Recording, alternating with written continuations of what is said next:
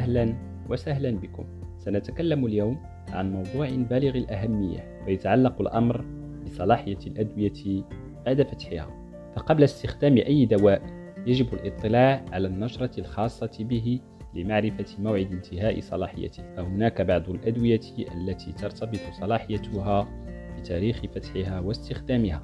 كما تختلف صلاحية كل دواء عن الآخر وفقا للتركيبة واحتمال حدوث تغير فيها وطريقة الحفظ وغيرها من العوامل. لذلك يجب الانتباه قبل تناول الأدوية والتأكد من صلاحيتها حتى لا تؤدي لأضرار صحية. وسأعرض عليكم اليوم قائمة بأبرز الأدوية التي تنتهي صلاحيتها بعد فتحها. تتصدر هذه القائمة قطرات العين التي لا تزيد صلاحيتها عن 30 يوما بعد فتحها ولا تصبح صالحة للاستخدام فيما بعد لأن بعض المواد المستخدمة في صنعها قد تتحول إلى مواد سامة بسبب البكتيريا وهذا ما يعرف باسم التلوث. وتتباين صلاحية قطرة العين من نوع لآخر حيث أن بعضها تضاف له مواد حافظة وتصل مدة صلاحيتها إلى شهر أما القطرات بدون مواد حافظة فلا تزيد فترة صلاحيتها عن أسبوع بعد فتحها. وتساهم هذه المواد الحافظة في عدم نمو وانتشار البكتيريات والفطريات مما يجعل فترة صلاحيتها أطول. لكن ينصح بعد فتح قطرة العين بتدوين تاريخ فتحها لمعرفة موعد انتهاء صلاحيتها بالتحديد كما يجب حفظها في درجة حرارة مناسبة. تليها قطرات الأنف والأذن سواء كانت عبارة عن قطرات سائلة أو عبارة عن بخاخ فمدة صلاحيتها لا تزيد عن ثلاثة أشهر بعد فتحها. ولكن هناك بعض الأنواع التي تستمر لفترة أطول وفقا للتعليمات المدونة عليها ويمنع تماما استخدام هذه القطرات بعد المدة المسموح بها لأنه من السهل أن تحتوي على البكتيريا والجراثيم التي تنتقل إلى الأنف والأذن بمجرد استخدامها ويجب أن يكون استعمال هذه القطرات بشكل شخصي وتحفظ بعيدا عن متناول الأطفال. أما المحلول الملحي الذي يستعمل لغسل الأنف فصلاحيته تختلف حسب نوعية التعبئة فالبخاخ يحفظ لمدة أطول. أما العنصر الثالث فهي الأدوية التي تكون على شكل شراب. وعادة ما تكون صلاحية انتهائها بعد فتحها هي تلك المدونة على العبوة طالما لم يتغير اللون أو الرائحة أو يتعكر. ولكن عامة هذا النوع من الأدوية لا تزيد صلاحيتها عن شهر بعد فتحها. ويجب التخلص منها بعد انتهاء هذه المدة لأنها تتحول لمواد خطرة وسامة وإن لم تنتهي مدة الصلاحية المدونة على العبوة.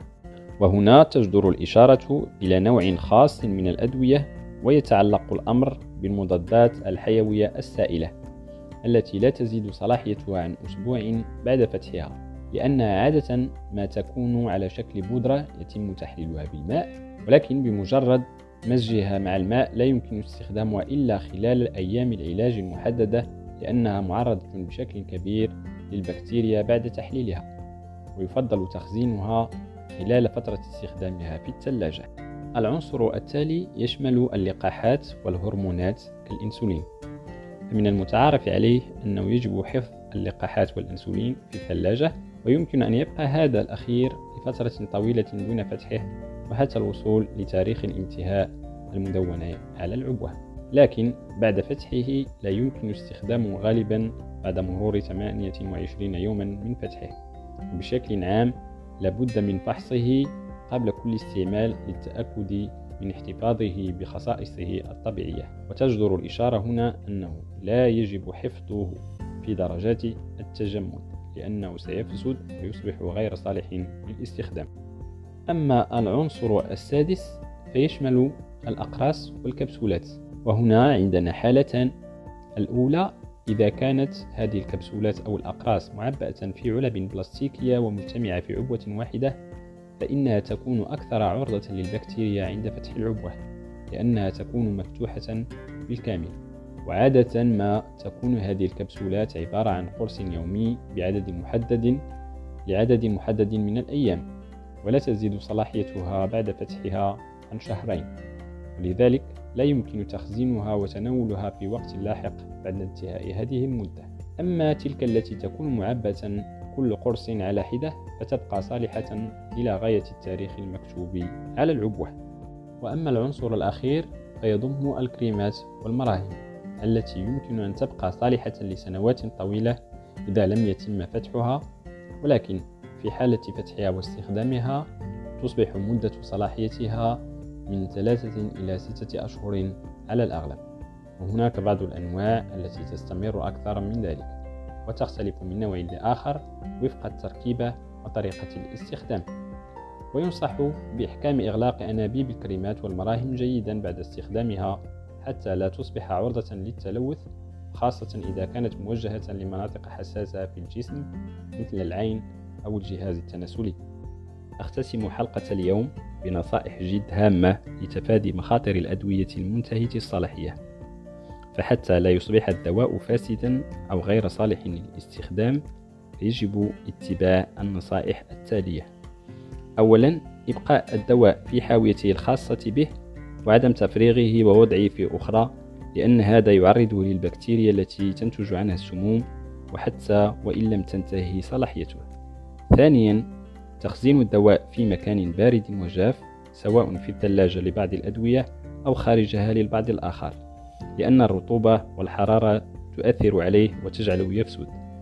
كما تجدر الإشارة أن هناك بعض الأدوية التي يجب حفظها بعيدا عن الضوء أيضا. ثالثا قراءة تعليمات الدواء جيدا لأنه كما ذكرنا لكل دواء صلاحيته الخاصة به وبعض الأدوية تنتهي صلاحيتها بعد فتحها.